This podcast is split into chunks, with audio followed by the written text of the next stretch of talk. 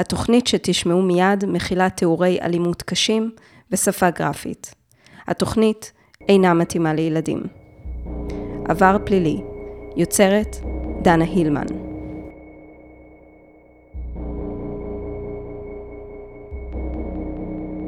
בתחילת שנת 2011 עמדו זו נגד זו בבית הדין לענייני משפחה משפחותיהן של שני בני זוג שכבר מזה 13 שנים לא היו בין החיים.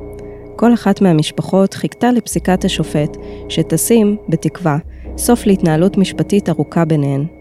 במסגרת המשפט הוצגו מחדש ראיות מקוריות, נשמעו חוות דעת של מומחים, וכן הוצגו קטעים מאוד מעניינים מהחקירות שנערכו לאורך השנים שחלפו, בין אם בסמוך לאירוע ובין אם שנים לאחריו. בלב המחלוקות עמדו שמועות, גרסאות סותרות בנוגע למי רצח את מי והתאבד, והשאלה מי אחראי לידיעות לא מבוססות שפורסמו בתקשורת בדצמבר של שנת 1997. המשפחות היו משפחת אלימלך ומשפחת אפוטה. האנשים שאינם עוד בין החיים היו ענת אלימלך ובן זוגה לשעבר, דוד אפוטה. ענת אלימלך, בת 23 בסך הכל במותה, הייתה דוגמנית ומגישה מפורסמת שהייתה בצמיחה מטאורית באותם הימים. היא החלה את דרכה בתחרויות יופי אזוריות שונות, מיס קניון, שם הכירה את דוד אפוטה גם, המשיכה לתואר נערת החן של ישראל, התמודדה על תפקיד נערת גלגל המזל, ושימשה כפרזנטורית של רשת המזון היפרקול דאז. שנת 1997 סימנה את המעבר של אלימלך מדוגמנית לכוכבת ילדים אהובה ופופולרית. היא השתתפה בשתי קלטות ילדים, ונכנסה לקאסט של הפסטיגל, דבר מאוד לא מובן מאליו עבור דוגמנית ללא ניסיון רב עם ילדים. באותם ימים, בסמוך למועד הרצח, היא השתתפה בחזרות לפסטיגל. בפסטיגל עצמו כמובן, היא כבר לא זכתה להופיע. דוד אפוטה היה ספר מצליח ומוכר בירושלים. הוא הכיר את ענת אלימלך במהלך תחרות מיס קניון, שנערכה בירושלים בשנת 1991. היא הייתה בת 16, הוא 30. כן, 14 שנים הפרש. הוא היה נשוי שחי בנפרד מאשתו, ואב לשני ילדים. בבוקר יום שלישי, בתאריך השני לדצמבר 1997, חיפש אבי אלימלך את בתו, ענת. הוא מצא את רכבה חונה ליד ביתו של החבר שלה, ממנו נפרדה כחודשיים לפני כן, לאחר כשש שנות זוגיות, וחשש מהנורא מכל. בשעה 11:27 התקבלה קריאה למוקד 100 על אירוע של חשש לחיי אדם, בדירה ברחוב משה קול 53, בשכונת רמת בית הכרם שבירושלים. ניידת משטרה הגיעה עד מהרה, ובה שני שוטרי הסיור, רב סמל אליהו קסוטו, שוטר סיור ותיק, וגלעד נדר, שביום האירוע עוד לא היה אפילו חודש בשירות המשטרה. הוא התלווה אל השוטר קסוטו כחניך, לצורך הכשרה. כמו קרובי המשפחה שכבר נכחו במקום וניסו בעצמם, גם השוטרים לא הצליחו להיכנס לדירה הנעולה. השוטר קסוטו הורה להזמין פורץ מנעולים, ויחד עם אבי, אביה של ענת, ויוסף, אחד מאחיו של דוד אפוטה, המתינו לפורץ בפתח הבניין. בעודם מחכים, הגיע גם שמואל, אחיו השני של דוד. יוסף ושמואל אפוטה עלו אל גג הבניין וירדו ממנו אל מרפסת הדירה. יוסף ניפץ את דלת הזכוכית של המרפסת, נכנס לדירה ופתח את הדלת לשוטרים מבפנים. בדירה גילו השוטרים את גופותיהם המוכתמות בדם של ענת אלימלך ודוד אפוטה, שרועות על רצפת הסלון. בסמוך לכף ידה של ענת אלימלך היה מונח האקדח, האקדח שירה.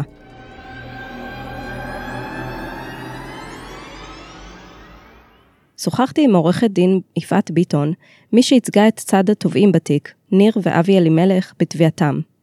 עורכת דין ביטון, כמה זמן מהאירוע התקשורת כבר מדווחת שענת היא זו שירתה? ככל הידוע לנו, כאן הדיווח היה אה, מיידי, כלומר אה, מיד בזירה אה, התחילו השערות שלפיהן ענת היא זו שירתה בדוד והתאבדה. ומי לדעתך אחראי, היה אחראי להעביר את הדיווחים האלה? תראי, אנחנו יודעות בוודאות שהמשטרה כבר הוציאה מידע אה, כבר מהזירה לגבי הממצאים שנמצאו בלי שום זהירות בעצם לגבי הפרשנות האפשרית של הממצאים האלה. כי צוות המז"פ שהיה בזירה, הייתה לו מחשבה אה, די מיידית, שככל הנראה, דווקא ענת היא זו שנרצחה, משום שהם השתמשו באיזשהו חומר, באיזשהו תרסיס, כבר בזירה, שהראה שמי שהחזיק את האקדח היה למעשה דוד, ואילו ענת, אף שהאקדח נמצא ליד היד שלה, נראה היה שהיא לא החזיקה, אה, היא לא אחזה באקדח. יחד עם זאת, הם, אה, המידע שהומצא החוצה לכתבים בחוץ היה שענת נמצאה עם האקדח לידה, ולכן אה, הכתבים היה להם אה, מאוד מלהיב לדווח כאילו היא זו שרצחה. התמונות שצולמו בזירה מראות את גופותיהם של אלימלך ואפוטה על רצפת הסלון בדירתו של אפוטה, כשהן צרועות על גבן, זו מול זו. רגליו של אפוטה היו מונחות על גבי ידה וכתפה השמאלית של ענת, וכף רגלו נוגעת במצחה. תזכרו את התיאור הזה, הוא סייע מאוחר יותר לשופט להכריע מי רצח ומי נרצח. האקדח, כאמור, היה מונח בסמוך לידה של אלימלך. קסוטו תיאר את המחזה הזה מאוחר יותר במילים הללו. נכנסתי לזירה, ואז ראיתי בסלון את הגופות עם הראשים בכיוונים שונים. היו שברי זכוכית בדירה. טלוויזיה גדולה דלקה בלי קול. עשיתי סיבוב בדירה כדי לראות אם יש משהו נוסף. לפני שנכנסתי, הוצאתי אותם, את האחים, מהדירה. כאשר נכנסתי לזירה, לא היה איש בדירה מלבד האחים. סוף ציטוט. בעקבות גילוי הגופות הוזעקו למקום אנשי מד"א, רב פקד חיים גז, ראש צוות החקירה המיוחדת בתיק, יחד עם שתי שוטרות נוספות, מעבדה ניידת של מז"פ, זיהוי פלילי, וגורמים נוספים. אחרי שהסתיימו הבדיקות בזירה, הועברו הגופות למכון לרפואה משפטית, שם נבדקו על ידי מנהל המכון דאז, פרופסור יהודה היס. צוות החקירה תשאל קרובי משפחה ומכרים נוספים של בני הזוג לשעבר, וכן את מדריך הירי שלהם, אייל בן ארצי. כן, מסתבר שהיה להם מדריך ירי. נחזור אליו בהמשך. פרופסור היס שבדק את הגופות, קבע בתחילה כי ענת היא שירתה בדוד. חוות דעת זו נעשתה על סמך בדיקת הגופות בלבד, ונמסרה לצוות החקירה המיוחד ככל הנראה בעל פה. בדוח שנכתב יום לאחר האירוע ועליו חתום ראש צוות החקירה, רב פקד חיים גז, נכתב כך: נמסר טלפונית על ידי דוקטור היס שאצל דוד אפוטה נמצאו שני פצעי קליע בבית החזה, ואצל ענת אלימלך נמצא פתח כניסה של קליע לבית החזה. לדבריו, על פניו, נראה שהבחורה ירתה בבחור והתאבדה. רב פקד גז ורב סמל שלוש, איש מז"פ של המעבדה הניידת לזיהוי פלילי, לא הסכימו עם חוות דעתו של הפרופסור. רב סמל שלוש העיד מאוחר יותר, ציטוט: היה לי ויכוח עם הפתולוג, הדעות היו חלוקות, ולפיכך הוא אמר שהוא מסכים לבוא לזירה. בשיחה הזאת עם הפתולוג, דיווחתי לו על כל הבדיקות, לרבות בדיקת הברזל. הוא עדיין לא שוכנע, וביקש להיפגש מחר בזירה. סוף ציטוט. גם רב פקד גז אמר דברים באותה הרוח. ציטוט: זכורה לי חוות דעתו הראשונה של פרופסור היס, שם נאמר שענת ירתה. ללא ספק אנחנו מייחסים חשיבות לחוות הדעת שלו. אם הוא חושב אחרת מאיתנו, אנחנו עושים כל מאמץ כדי להתיישר. ועד שהדברים לא מתיישבים, אנחנו לא מסכמים את החקירה. פרופסור היס אומת עם הדברים הנ"ל במהלך חקירה ביוני 2008, והכחיש, מתוך חקירתו, ציטוט: אינני יודע, אינני זוכר, אם אנשי המשטרה ידעו מה עמדתי לענייני יורה. מנחם הכהן, השופט בתיק, כתב בפסק הדין באשר להתנהלות פרופסור היס, ציטוט: מידע חשוב מזירת האירוע, אשר היה הכרח להביאו בפניו קודם לנתיחת הגופות, הובא בפניו רק בדיעבד. זאת, לאחר שגיבש לעצמו עמדה מסוימת, על סמך נתיחת הגופות בלבד, ולאחר ששמע על המקרה מהחדשות של אותו היום, כפי שהעיד, שמעתי על המקרה בתקשורת טרם בדיקת הגופות. סוף ציטוט. בחדשות, כמובן, לא חיכו להגשת הדוח הסופי עם המסקנות. בכתבתו של דורון מאירי, יממה לאחר רצח, נכתב בין היתר, ציטוט: מי רצח ומי התאבד? גורם משטרתי. סביר יותר להניח שענת רצחה את דוד. למה חושדים בה? האקדח נמצא בזירת הרצח קרוב יותר לכף ידה של אלימלך. סוף ציטוט. אבי וניר אלימלך, אביה ואחיה של ענת אלימלך, שהפרסומים הסותרים על הרצח לא נתנו להם מנוח, עתרו לבית המשפט ב-2004, שבע שנים אחרי הרצח, כדי שייקבע באופן סופי כי דוד אפוטה הוא שנטל את חייה של ענת אלימלך. לטענתם, זירת הרצח שובשה על ידי יוסף, אחיו של דוד, דבר שהוביל לפרסום המטעה שהפיצה משטרת ישראל, ולקבורתה של ענת אלימלך בחלקת המתאבדים. התביעה הוגשה לבית המשפט המחוזי שבירושלים בדין אזרחי, עם עתירה לפיצויים בסך של כתשעה מיליון ש"ח. היא הוגשה נגד יוסף אפוטה, נגד יורשיו של דוד אפוטה, ונגד שוטרי צוות החקירה המיוחד שפעל בחקירה. הסיפור של ענת הוא למעשה ליווה אותי במשך שנים ארוכות. אני הכרתי אותה, יצא לי להכיר אותה כשהייתי אה, סטודנטית למשפטים בפקולטה אה, בירושלים, באוניברסיטה העברית, ובאחד מהימים יצא לפגוש אותה באיזשהו אירוע חברתי, ואני זוכרת שהייתה כל כך מקסימה וזוהרת ולבבית ומתוקה אמיתית. וכשהרצח של האיראני עדיין, בדיוק סיימתי את הלימודים שלי והייתי בירושלים, וככה זה מאוד העציב אותי וטלטל אותי. הסיפור הזה, והייתה לי כמובן תחושה מאוד חזקה בהתחלה שמה שקורה פה זה פשוט שקר. הסיפור הזה שיצירת המצג כאילו היא רצחה, זה היה לי ברור שזה איזשהו פספוס ענק של המשטרה, לא יכולתי להאמין שהאישה הצעירה והמקסימה ש- שאני ראיתי היא מישהי שתהיה רוצחת בדם קר. ו- ולכן הדבר הזה אה, ליווה אותי בעצם עוד מיום, אה, מיום הרצחה של ענת. את הדוקטורט שלי, כשישבתי לכתוב בתחילת שנות האלפיים, כשפיתחתי את הרעיון הזה של אה, לייסד, להסביר למעשה שימוש בתביעות אה, פיצויים כדי אה, לייצר תיקון של עוולות כלפי אוכלוסיות מוחלשות, כמו אוכלוסייה של נשים במקרה כזה, כל הזמן המחשבה שלי הייתה שהמקרה של ענת הוא מקרה שמתאים בדיוק לסיטואציה הזאת, שזה פשוט בלתי נתפס שהמוות שלה, הנורא הזה, אף אחד לא שילם עליו מחיר בסופו של דבר, המתאבד, הרוצח התאבד, אה, מי ששיבש את הזירה יצא פטור בלא כלום, היא זו ששמה הוכפש והוכתם, וזה נגמר העניין. אז ככה, הנושא הזה העסיק אותי, ויצא כמה פעמים ש, שדיברתי על זה עם, אה, עם אנשים שעוסקים בזכויות של נפגעי עבירה, ו, וככה גם אה, יצא שדיברתי עם אורה ברז, אימה של תמר ברז, זכרה לברכה, שהיא שמעה על, על הפעילות שלי ובאה להיפגש איתי. אה, על הנושא הזה של הגנה על אה, נשים נרצחות, כמו למשל תמר. ואז בעקבות השיחה איתה, היא סיפרה לי, אה, בשיחה איתה, על משפחת אלימלך, ו- ואמרה, אני חושבת שהחיבור ביניכם יהיה חיבור מצוין, ואני הזמנתי אותה כמובן לומר להם ליצור איתי קשר, וברגע שנוצר הקשר זה היה, חיבור יחיד במינו. זה היה כל כך ברור שאנחנו מתאחדים סביב סיבה כל כך צודקת ברמה הרעיונית, וברמה האישית הייתה שמה... אה, אהבה מאוד גדולה, ועדיין ישנה, ביני לבין אה, ניר אלימלך ואבי אלימלך. אוקיי, והתהליך התחיל בבית המשפט המחוזי, נכון? ואז עבר לסמכות בית משפט לענייני משפחה. למה, למה בעצם? כן, היה פה איזשהו הליך מאוד מעניין, כי אנחנו ככה מאוד התלבטנו. מבחינת תחום התביעה, הסמכות הייתה לבית המשפט המחוזי. וההחלטה שלנו הייתה שצריך להגיע למחוזי שאנחנו יודעות שזה יהיה תיק תקדימי שלא עשו אותו מעולם, לא, מעולם לא הוגשה תביעה כזאת, בוודאות יהיו פה ערעורים על גבי ערעורים והתנגדויות, וחשבנו שזה גם נכון להתחיל שם, כי אנחנו צפויות להגיע עם התיק הזה לבית המשפט העליון.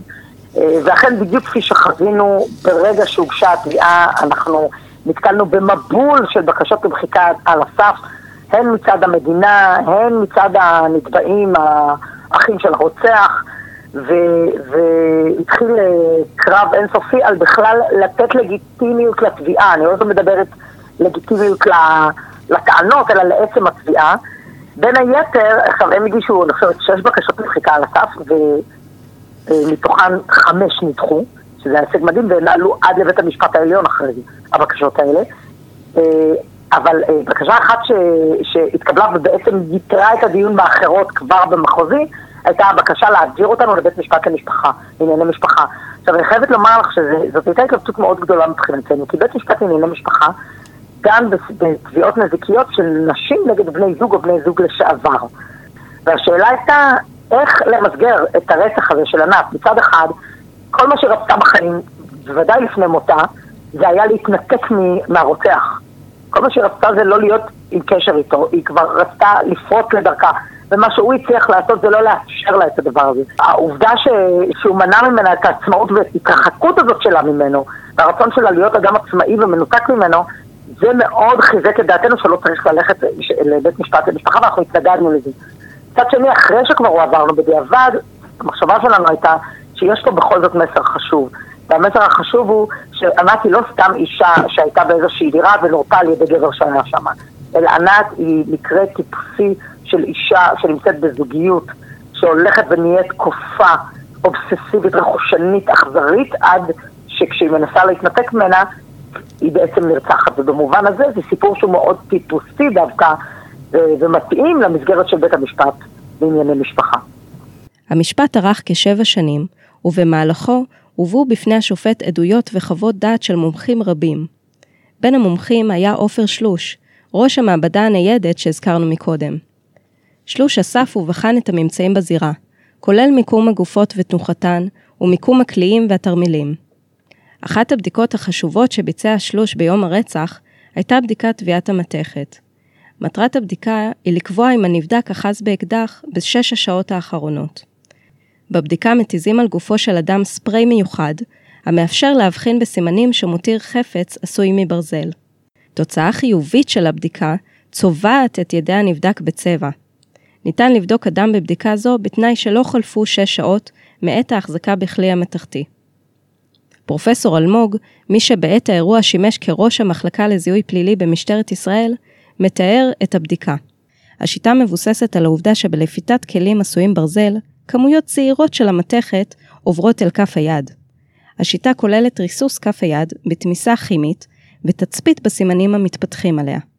אם היד החזיקה קודם לכן בכלי נשק, התפתחו בתוך שניות אחדות על היד סימנים בצבע סגול באותם מקומות שבהם היה מגע בין כף היד לבין חלקי המתכת של הכלי.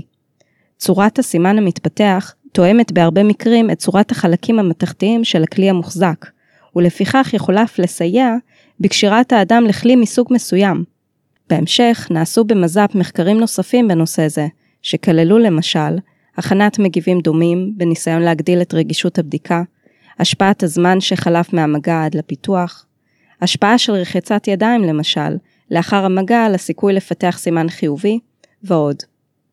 כמו כן, נלמד הקשר בין טיב הסימנים המתקבלים על ידיהם של אנשים שונים, גברים ונשים, ובין מידת הלחות של אותם אנשים.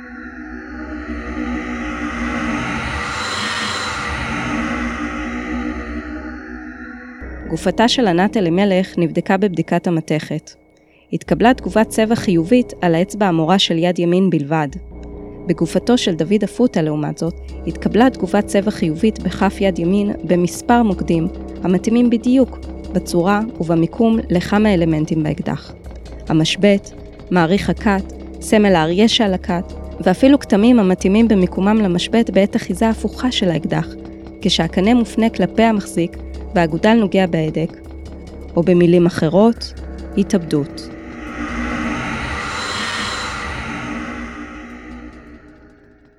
הדוח המסכם שהגיש רב סמל עופר שלוש כשלושה שבועות לאחר הרצח, קבע כי דוד אפוטה הוא זה שרצח את ענת אלימלך והתאבד. כך הוא כתב, ציטוט: איכות תגובת ענת אלימלך לבדיקת נוכחות שרידי מתכת בצירוף העובדה שבניגוד למרבית האוכלוסייה היא הגיבה לאחר מותה, מעידים על היותה רגישה מאוד לבדיקה. לפיכך צפוי היה שאם ענת החזיקה באקדח טרם מותה, הרי שתתקבל תגובה משמעותית על כף כפות ידיה. היעדר תגובה שולל במידה רבה את האפשרות שירדה בדוד תפוטה ו/או בעצמה.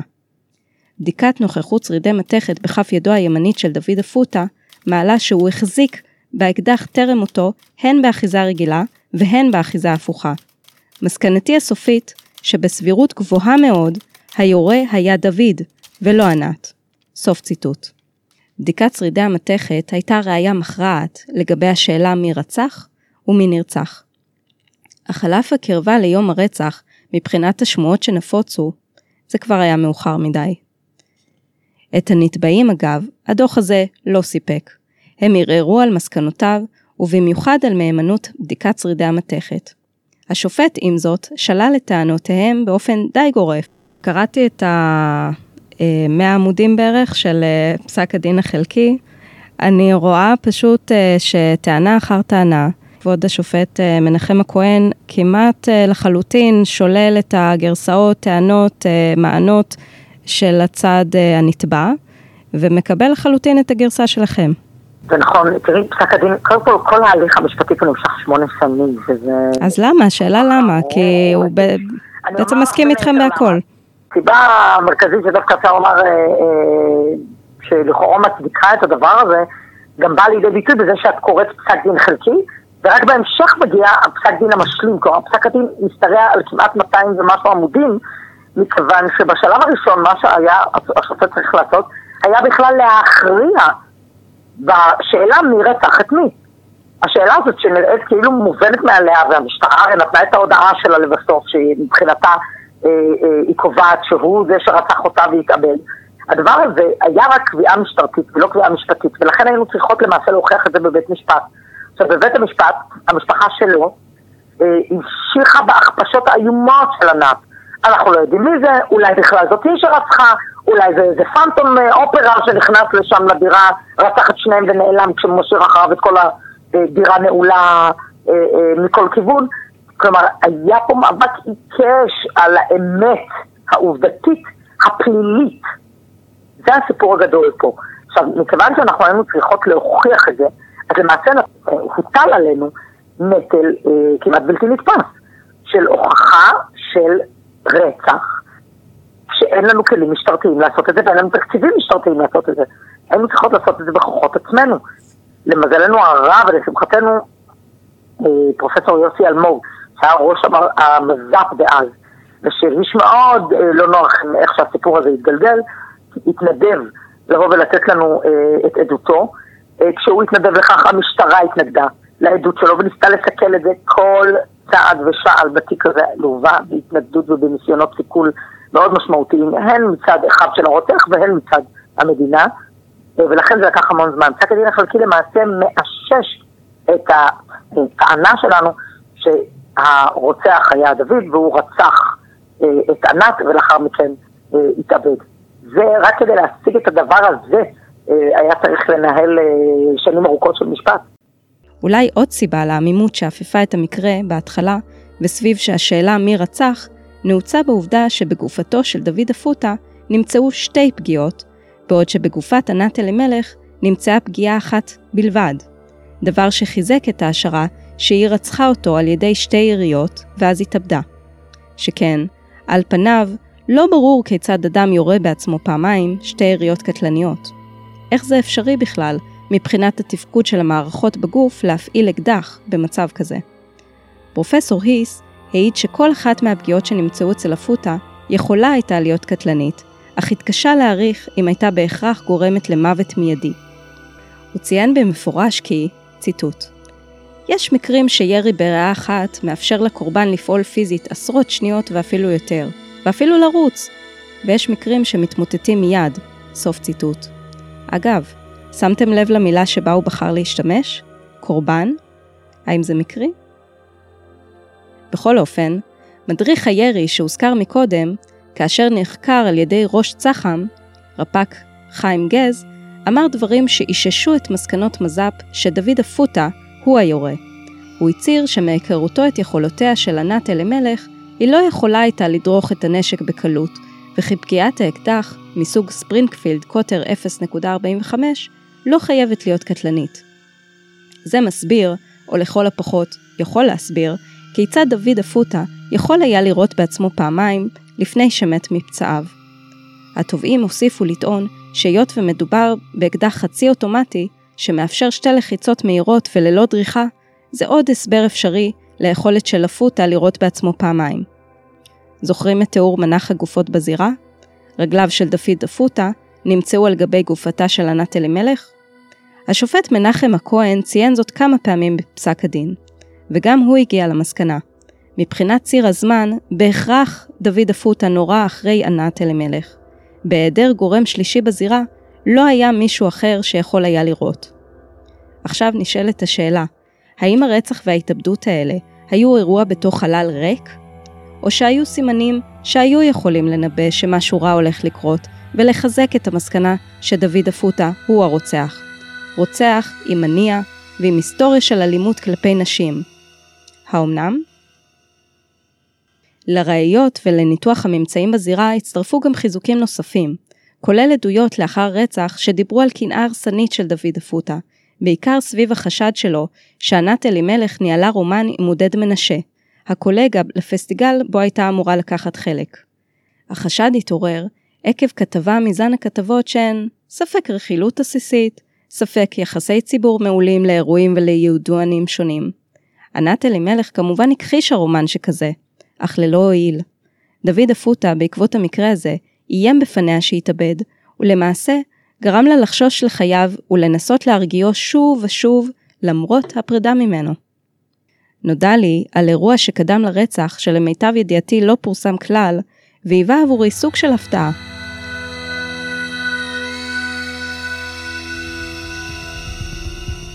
שבוע לפני הרצח, מסתבר, כלא דוד אפוטה את ענת אלימלך בדירתו, ולא נתן לה לצאת ממנה. ענת התקשרה לחברה קרובה, לאביה שהזעיק את המשטרה, ולאחיו של דוד. פקד לייבוביץ', שוטר הסיור שנקרא לטפל באירוע, העיד. ציטוט: היא לא התלוננה, ולא רצתה להגיש תלונה. היא אמרה, לא הייתם אמורים להגיע. בהתחלה היא גם לא רצתה לדבר איתנו. לדברי ענת אלימלך, היא וחברה הסתכסכו, ובסך הכל היא בסדר, והוא מעט נסער. ברשותו יש נשק, אך לדבריה אין חשש שיעשה בו שימוש. ענת אלימלך הופנתה לחקירות להגשת תלונה. סוף ציטוט. אחיו של דוד טענו שהאירוע הקודם לא כלל אלימות כלשהי. השופט השיב לכך, ציטוט: האלימות תבואה מעצם מעשה הכליאה ושלילת חירותה של המנוחה, בניגוד לרצונה. על כך ניתן ללמוד בין היתר מהוראת החוק למניעת אלימות במשפחה. כיצד ניתן בנסיבות אלה לטעון כי מעשה זה לא כלל אלימות כלשהי? על כך את מה? עצם העובדה כי לא הוגשה תלונה פורמלית בגין אירוע זה על ידי המנוחה או מי מטעמה, אין בה כדי לגרוע מהמשמעויות שיש לתת לאירוע אלים מסוג זה.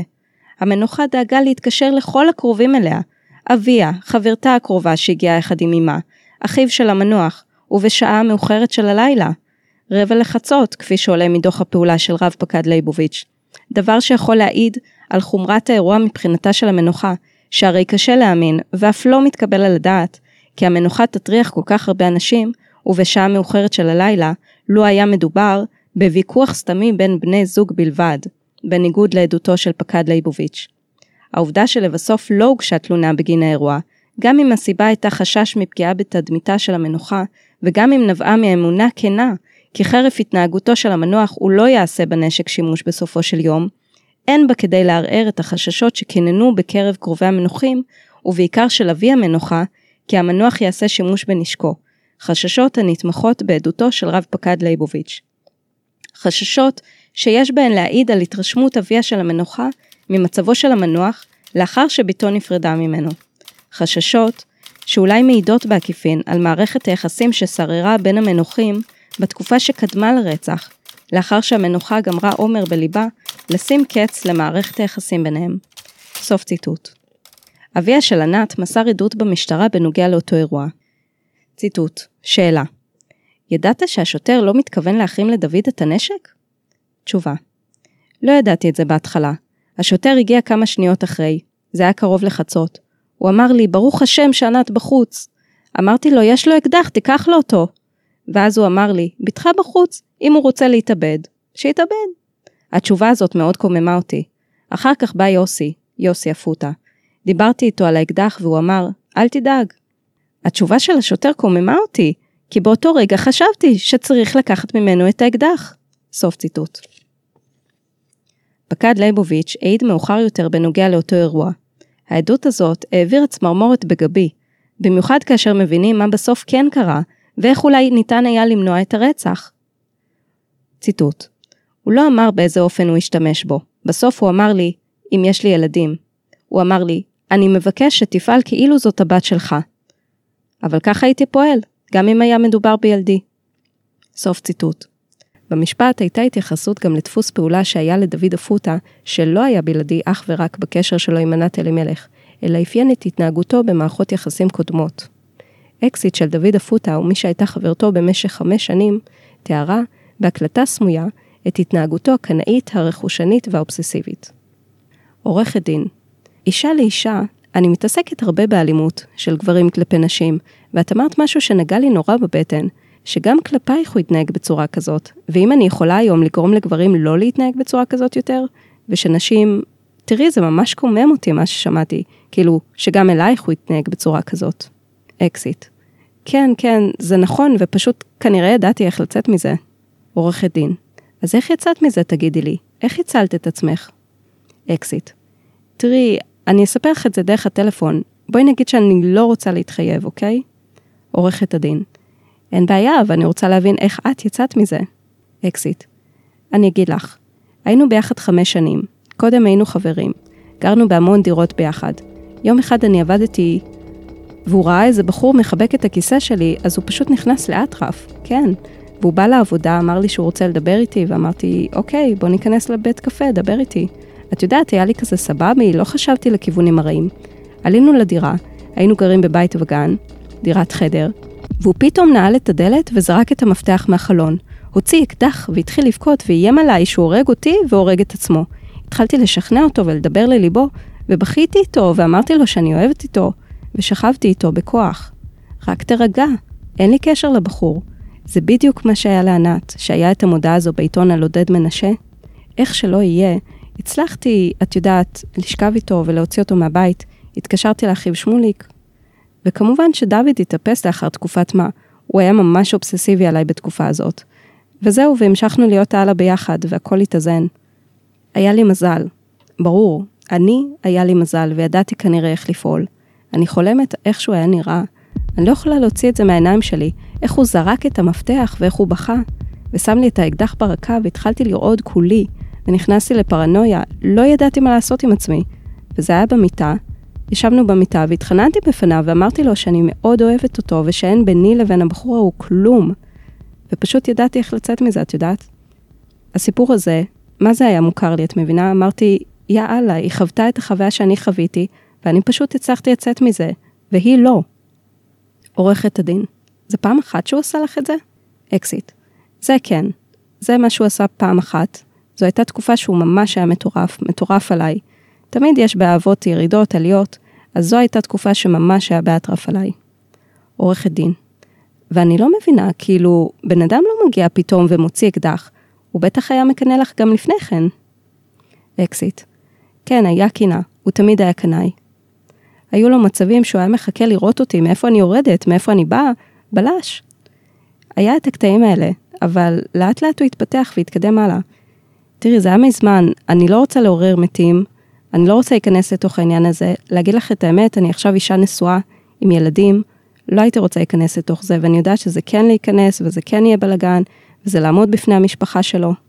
סוף ציטוט.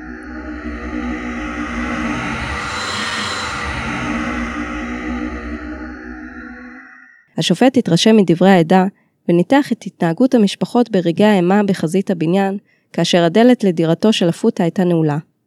השופט הגיע למסקנה שלמעשה הכל מתנקז לדפוס פעולה ולמניע באופן כזה שבצירוף כל המידע הזה ניתן היה לצפות למעשה, והוא לא הגיע כרעם ביום בהיר. לא מדובר כאן בטרגדיה משותפת, כפי שניסו הנתבעים לצייר, אלא בגבר קנאי ואלים שסיים את חייה של ענת ברצח מתועב ובטרם עת. השופט קיבל את טענות התובעים ובראשם אבי וניר אלימלך, אביה ואחיה של ענת אלימלך, ופסק לטובתם.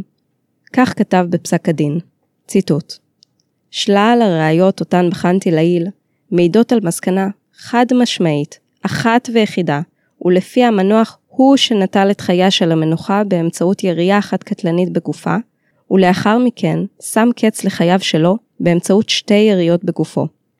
כשיתר הראיות והממצאים בזירה מתיישבים עם המסקנה האמורה, כמו גם עם העדויות שנשמעו בתיק הזה, בכל הנוגע למניע של המנוח לבצע את מעשה הרצח, כל אלה, יחד, מביאים למסקנה כי המנוחה נורתה על ידי המנוח. סוף ציטוט.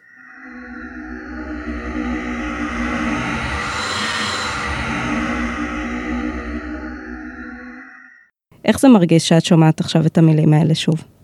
תראי, יש בזה כמובן אה, תחושה גדולה של רווחה, אה, במובן של הצדק הפואטי הזה של לומר את הדברים כהווייתם, להסביר בדיוק, לומר בנחרצות, הוא רצח אותה ואחרי זה התאבד. הסיבה לכך שהוא עשה את זה הייתה הקנאה שלו, היחס שלו כלפי הרצון שלה לעזוב אותו. לכל הדברים האלה אה, אה, בית המשפט נותן תשומת לב חשובה ומבסס את חפותה סוף כל סוף של ענת. מהצד השני, את יודעת, אני שומעת אותם ב- בלב כבד מאוד, כי מסתכלת על התאריך שמתנוסס, על פסק הדין, אה, ואת נזכרת בכך שענת עצמה נרצחה בשנת 97, ופסק הדין כמדומני הוא מ-2012. פברואר 2011. ב-11. וזה מקומם. זה מקומם שלוקח 11 שנים למשפחה לקבל את הצדק הזה. כשזה צדק שהגיע להם אה, ושהוא היה ידוע בעצם לרשויות חצי שעה אל תוך בחינת זירת הרצח. פה אני מזהה אבל מאוד גדול גם בתוך השמחה על צאת האמת לאור. מבחינתך אה, יש תחושת ניצחון? בוודאי. בוודאי, אין לי ספק, תראי, שוב, הלוואי שזה היה, זה, זה ניצחון טורטה כזה, כן? כי את תמיד זוכרת שהמפסידה הגדולה אה, של הסיפור הנורא הזה היא ענת שאינה בנותינו, וששמה נפגע בצורה הכי מחפירה ומחרידה שאפשר להעלות על הדעת. אה, מהצד השני, היו שם עוד אמירות מאוד חשובות. בית המשפט אה, קבע בצורה מאוד ברורה שהמשטרה התנהלה בצורה שהיא לכל הפחות ראויה לביקורת אה, חריפה, נקרא לזה כך. אה, הוא ביקר את האופן שבו המשטרה ניהלה את החקירה הזאת, את האופן שבו היא לא דאגה להגן על אה, שמה הטוב של ענת, את האופן שבו היא לא דאגה להגן על הזירה.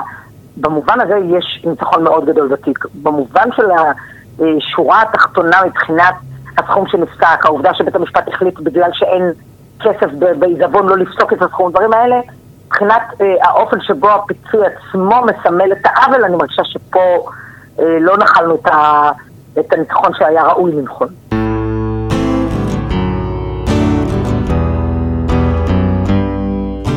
נעשתה פנייה לבא כוחו של יוסף אפוטה, עורך דין פוזנר, והוא סירב להגיב.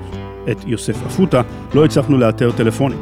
אם הוא או כל אדם מטעמו מעוניין להגיב, מוזמן לפנות אלינו ונפרסם את תגובתו כשתגיב.